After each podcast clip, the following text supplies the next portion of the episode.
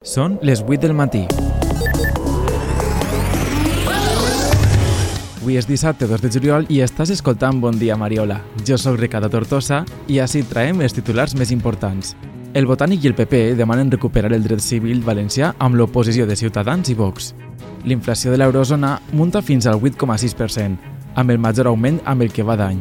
Sis nou casos eleven a 23 els positius per viruela del mono a la comunitat. Les aigües de València acolleixen la major flota de vela de creuer de l'any.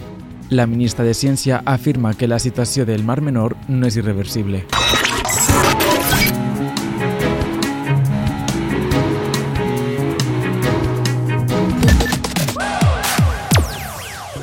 Comencem amb política. Parlant de la OTAN, Pedro Sánchez proposarà arribar al 2% del PIB per a defensa en un plaç de 8 anys i, per tant, arribarà a aquest gast a 2029.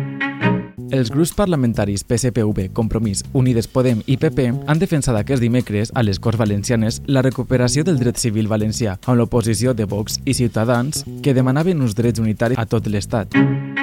Les forces russes han reforçat la seva ofensiva a la ciutat de Lysychansk, un últim reducte ucranià a la regió de Lugansk, que es troba rodejada per quatre costats. La majoria de localitats alrededor de la ciutat ja estan baix control rus. I seguim amb economia. La comunitat valenciana està previst que creixca més d'un 4% per damunt de la mitjana de la zona euro i d'Espanya. El CEF destaca que encara que la inflació ature el consum a les cases, el turisme internacional i els fons europeus seguiran contribuint al creixement econòmic. Més de 1.400 empreses valencianes ja poden accedir a les ajudes que, per els conflictes d'Argèlia i Ucrània, hagin tingut que parar les seues comandes o tinguen factures pendents. Aquestes ajudes, per part de l'Institut Valencià de Finances, compta amb 30 milions d'euros. La Generalitat ha manifestat que aquestes ajudes serviran per a que les empreses valencianes puguen seguir operant amb normalitat. Fem pas als successos. Una persona mort en Alfàfar per un arrollament ferroviari, segons ha informat Adif. Com a conseqüència, les línies C1, Gandia i C2, Xàtiva-Moixent van quedar aturades fins a acumular retrasos de 45 minuts. Detenen a Alacant un home de 29 anys per haver robat un cotxe que feia dies que havia sigut comptat com a desaparegut. Al pareixer, el fill del propietari del cotxe va tirar una còpia de les claus a la calçada sense que es donara compte. Els agents de policia van detindre el cotxe que portava l'home. Aquest no va saber explicar al moment per què anava amb un cotxe que formulava com a robat pel que va ser arrestat immediatament. Passem als esports.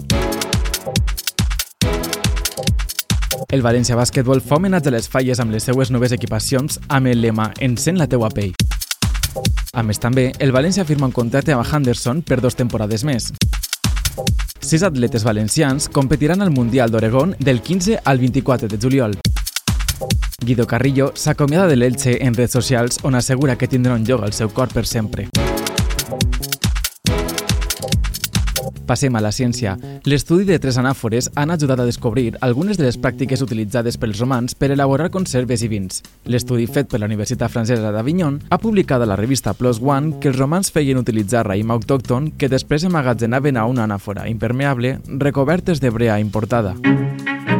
Delegats de 150 països convocats per l'ONU s'han reunit a la segona conferència dels oceans a Lisboa per parlar de la fragilitat del mar amb una infinitat de proves científiques, tal com parlàvem ahir a BDM. I és que s'espera que d'aquesta reunió sorgisca una declaració per a la conservació dels oceans. Un equip d'investigadors ha descobert que quan els humans s'infecten amb el Zika o amb el dengue ens tornem més apetitosos per als mosquits degut a que segreguem certes substàncies que afavoreixen la transmissió del virus per les picadures. Els científics han desenvolupat un tractament basat en un medicament per a l'acné que redueix les picadures de mosquits.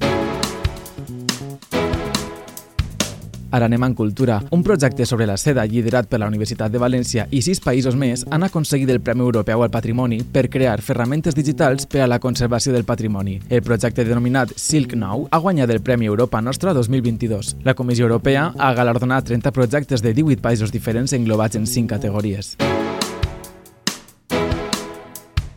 I fins així ens acomiadem. Recorda que pots encontrar-nos a les redes socials com arroba bondiamariola i també al podcast de Spotify Bon Dia Mariola. Jo sóc Ricardo Tortosa i has escoltat Bon Dia Mariola.